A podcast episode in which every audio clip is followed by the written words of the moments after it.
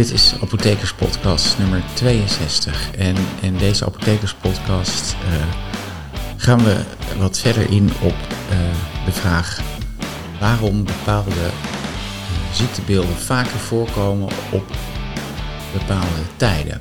Bijvoorbeeld waarom komen astma-aanvallen heel vaak voor in de vroege ochtend? Waarom wordt, komen hartinfarcten 30% vaker voor in de vroege ochtend? Waarom hebben mensen met reuma in de ochtend meer klachten? Uh, waarom uh, krijgen mensen slaapstoornissen als ze, uh, als ze zeg maar, een aantal tijdzones eh, passeren? En ja, het, het, antwoord daarop is eigenlijk, het, dat, is het, dat heeft te maken met ons circadiaanse ritme. En waar staat circadiaans nou op? Circadiaans is uh, een samenvoeging van circa, wat ongeveer betekent, en diem, dat, dat betekent dag. Dus dat betekent dat, een ritme, dat we het hebben over een ritme wat ongeveer 24 uur uh, zeg maar, afspeelt in 24 uur. En um, nou ja, u weet allemaal ook dat, uh, tenminste op het moment dat ik deze podcast opneem, is net de zomertijd ingegaan. En uh, u heeft waarschijnlijk allemaal in de krant uh, kunnen lezen dat, nou ja, dat er altijd weer discussie is over die uh, zomertijd en of het nou wel goed is om dat te doen. Want er gaan heel veel meer mensen die, die, die gaan dood en, en, en krijgen hartinfarcten en diabetes wordt altijd genoemd. En eigenlijk wat ik, wat, wat, wat ik wil, wat, ik was echt heel erg geïnteresseerd in hoe kan het nou dat, dat dat gebeurt en waar ligt dat nou aan? En Um, nou, en daarom heb ik uh, in deze podcast uh, wil ik daar graag aandacht aan besteden. En uh, eigenlijk wil ik deze, deze podcast in meerdere delen laten plaatsvinden. de eerste deel, dat is dit deel, daar gaan we uitleggen hoe dat circadiaanse ritme nou precies ontstaat. En, en wat, er, wat er precies gebeurt in ons lichaam. En um, in de tweede podcast wil ik ingaan op verschillende aandoeningen waarbij het circadiaanse ritme een rol speelt. En uh, nou ja, kan je je ook voorstellen, hè, want ja, ik ben apotheker en uh, ja, dus ik ben natuurlijk geïnteresseerd in geneesmiddelen. Dus het, uh, het derde gedeelte wil, wil ik wat meer ingaan over, over ja, is er nou ook zoiets als chronotherapie? Hè? Dus, dus, dus therapie waarbij de, het tijdstip van inname heel erg belangrijk is. Nou, ik kan u vast één ding verklappen. Hè, bijvoorbeeld cholesterolverlagers, statines. En zeker statines die wat korter werken. Daarvan is het zinvoller, en dat is ook aangetoond, om die bijvoorbeeld s'avonds voor, eh, voor het slapen in te nemen. En dat heeft te maken met ons circadiaans ritme in de aanmaak van cholesterol. Want die middelen remmen het cholesterol, cholesterol aanmaken. En dat is natuurlijk in de nacht, heeft dat zijn piekmoment. Dus hè, er is wel degelijk uh, is daar wat, uh, wat over bekend. Het, is alleen nog, het staat nog heel erg in de kinderschoenen. En hele grote onderzoeken hierover moeten nog gedaan worden. Dus dat is gelijk ook een beetje een, een disclaimer. Hè, want uh, ja, uiteindelijk weten we nog niet of dat. of we weten van een beperkt aantal geneesmiddelen of het zinvol is om die s'avonds of, of, of juist misschien s morgens of misschien juist in de middag in te nemen. Um, nou, dat circadiaans ritme, wat, wat is dat nou en waardoor wordt dat nou eigenlijk veroorzaakt? Nou, om te kijken uh, wanneer dat, hoe, hoe dat circadiaanse ritme nou eigenlijk is ontstaan, moeten we denk ik ja, wel 3 miljard jaar uh, terugkijken. Toen het uh, leven op aarde ontstond. En met name toen er wat bacteriën zich gingen ontwikkelen, de eencellige. En het is natuurlijk heel logisch in dat onze aarde ook 3 miljard jaar geleden een zonsopgang en een zonsondergang kende. Ja, dus s ochtends gaat de zon op en uh, s middags gaat hij, of uh, s avonds gaat hij, aan het einde van de dag gaat hij weer onder. En dat komt natuurlijk dat de aarde ronddraait. en dus maar een gedeelte van de, van de aarde wordt beschenen door de zon. Nou, die er waren, op een gegeven moment waren er bacteriën die, die ontstonden en die maakten gebruik van licht om hun voedingsstoffen uh, te, te, te, maken. Hè. Dat waren zogenaamde fotosynthetische bacteriën. En die waren natuurlijk heel erg, uh, heel erg in hun overleving heel erg afhankelijk van de periode dat er licht ontstond. Dus op het moment dat er licht ontstond, moesten die bacteriën aan het werk, hè, hard aan het werk om, om hun voedingsstoffen te maken. En op het moment dat de zon onderging, ja, dan was er ruimte voor andere processen om te gaan, gaan doen. En dus daardoor ontstond eigenlijk een soort ritme. En die was natuurlijk heel erg belangrijk voor het overleven van die bacteriën. En het gekke is eigenlijk dat uh, dat, dat circadiaanse ritme, waarbij het licht een rol speelt, eigenlijk bij alle, uh, alle diersoorten een rol speelt. En dus ook bij ons als mensen. En uh, ja, hoe zit dat nou precies? Want het is nog niet zo lang geleden is dat ontdekt hoe dat precies zijn werk gaat. Uh, we wisten natuurlijk al lang dat licht een hele belangrijke rol speelt. Um, en dat licht is ook de, de, de, de trigger voor, uh, voor ons lichaam om, om zichzelf uh, ja, te synchroniseren eigenlijk. En wat, wat bedoelen we nou met synchroniseren? Dat we ons ritme aanpassen op, het, op de dag en de nacht. En elke lichaamcel in ons, uh, in ons lichaam heeft een zo'n soort bioritme. Uh, en dat bioritme wordt eigenlijk in stand gehouden door een soort master clock. Een soort, uh, ja, dat is eigenlijk net als bij Lord of the Rings, had je one ring to rule them all. En de master clock, de centrale klok in die onze hersenen bevindt, dat is de klok that rules them all. Dus dat is een, een, een groepje uh, uh, hersencellen. Die, zitten, die wordt de suprachiasmatische nucleus genoemd. En de chiasma, dat is de plek waar de oogzenuwen elkaar kruisen. En daarboven ligt de, hypothalamus. En in, in een gedeelte van de hypothalamus, dat is de suprachiasmatische nucleus. En daarin zitten, daar zitten twee groepjes cellen. Een linkerkant en een rechterkant, die ongeveer 10.000 uh, bestaan uit 10.000 zenuwcellen. En die zenuwcellen die hebben een soort periodieke uh, manier waarin ze zich ontladen. En dat gaat overdag, dan ontladen ze zich met een snellere frequentie dan s'nachts. En die frequentie die is eigenlijk heel moeilijk te beïnvloeden. Maar er is eigenlijk maar één, één uh, trigger wat die frequentie beïnvloedt en dat is licht. En dat licht, dat is afkomstig, dat is eigenlijk ook heel logisch, van onze ogen. En in onze ogen zitten uh, bepaalde, je hebt de kegeltjes en staafjes, maar er zitten nog een aantal, een, een, een, apart type cellen, dat zijn de intrinsieke fotosensitieve retinale ganglioncellen. En die bevatten een stof, dat heet uh, melanopsin.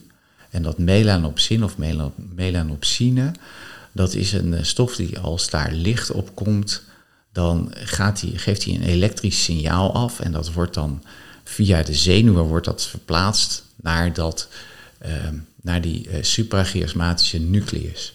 En dat gaat via de retinohypothalame uh, tract. Dat is een, zeg maar zo heet dat. En wat daar gebeurt als die, dat die signalen daar in die suprachiasmatische nucleus aankomen, dan, dan ontstaat eigenlijk uh, dan, dan wordt er een impuls gegeven en, en wat er dan gebeurt eigenlijk in onze cellen is dat er een genen actief worden, die worden geactiveerd. En ehm, die genen worden geactiveerd door eiwitten. En die eiwitten, dat zijn eigenlijk twee belangrijkste eiwitten die daarvoor, die daarvoor verantwoordelijk zijn. Dat zijn klok en B-mal 1. Nou, klok is natuurlijk een leuk omdat, het, omdat we het natuurlijk over centrale klokken hebben. Maar dat klok is een afkorting voor uh, Circadian Locomotor Output Cycles kaput. Mag u gelijk weer vergeten. En B-mal 1 staat voor Brain and Muscle Aren't Like Protein 1. Die, dat, die twee eiwitten die gaan een verbinding met elkaar aan. En op het moment dat ze die verbinding aangaan, dat gebeurt in de celkern. En daar gaan ze met het DNA verbinding aan op de E-box. En dat is een E-box, dat is een, eh, een groep, uh, zeg een code van allerlei uh, aminozuren. En die E-box, dat is een, dat, dat, die E staat voor enhancer. Dat betekent stimuleren eigenlijk en het, het bevorderen van, van de transcriptie van eiwitten. En de eiwitten die dan gemaakt worden, Dat zijn eiwitten die heten per en cry en ref, erp en roor. Nou, uh, die afkortingen van met name per en cry zijn heel erg belangrijk. Per staat voor periodic. En we hebben het ook over, uh, nou ja, over, over ritmes. Dus die, die periode komt natuurlijk niet, niet voor, voor niks. En, en cry staat voor cryptochroom. Die, die per en die cry eiwitten die, aangemaakt worden die gaan ook weer een verbinding met elkaar aan. Hè. Eigenlijk door dat klok, dat klok en BMO, die, die, die, die aanmaak van per en cry stimuleren, zie je dat het per en, de, de hoeveelheid per en cry gedurende de dag enorm toenemen in, uh, in aantallen en in hoeveelheid. En op een gegeven moment uh, wordt de piek bereikt, dat is rond uh, nou ja, voor de, voor de ene rond, uh, rond vier uur s middags, voor de andere is dat rond uh, acht uur s avonds.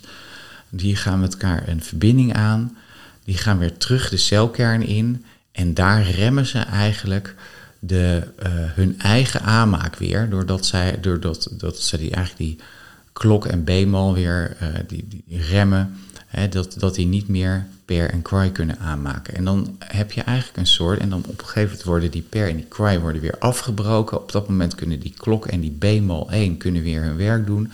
En dan heb je een soort van uh, cyclus die ontstaat. Nou, die cyclus wordt ook nog door uh, twee andere um, uh, eiwitten gedaan, door REF, ERP en ROR. en ROR staat voor retinoid acid Related Orphan Receptor. Nou, ik denk dat het niet verder niet zo heel erg belangrijk is dat u weet wat dat betekent. Maar um, die REF-ERP en die RORS die bevinden zich ook op allerlei plekken in het lichaam. Hè. Onder andere in uh, spierweefsel, in hersenweefsel en in vetweefsel. Dus daar, dat betekent dat zij er allerlei uh, processen kunnen aansturen. Net als die PER en die CRY-genen. Uh, die kunnen allerlei processen aansturen waardoor die geactiveerd worden en waardoor er dus op het moment dat er meer per en kraai is, uh, ook meer activatie plaatsvindt van die processen. En op het moment dat dat weer minder wordt, dan zal ook dat, zullen die processen zich ook, uh, zullen ook minder worden. En uh, daarmee hebben we eigenlijk kunnen zorgen voor een bepaald ritme van die processen in ons lichaam. En nou ja, wat gebeurt er nou op het moment dat we um, bijvoorbeeld een. Uh, nou, we zijn bijvoorbeeld naar. Uh, we wonen in Nederland, we zijn naar de Verenigde Staten gegaan en we vliegen weer terug.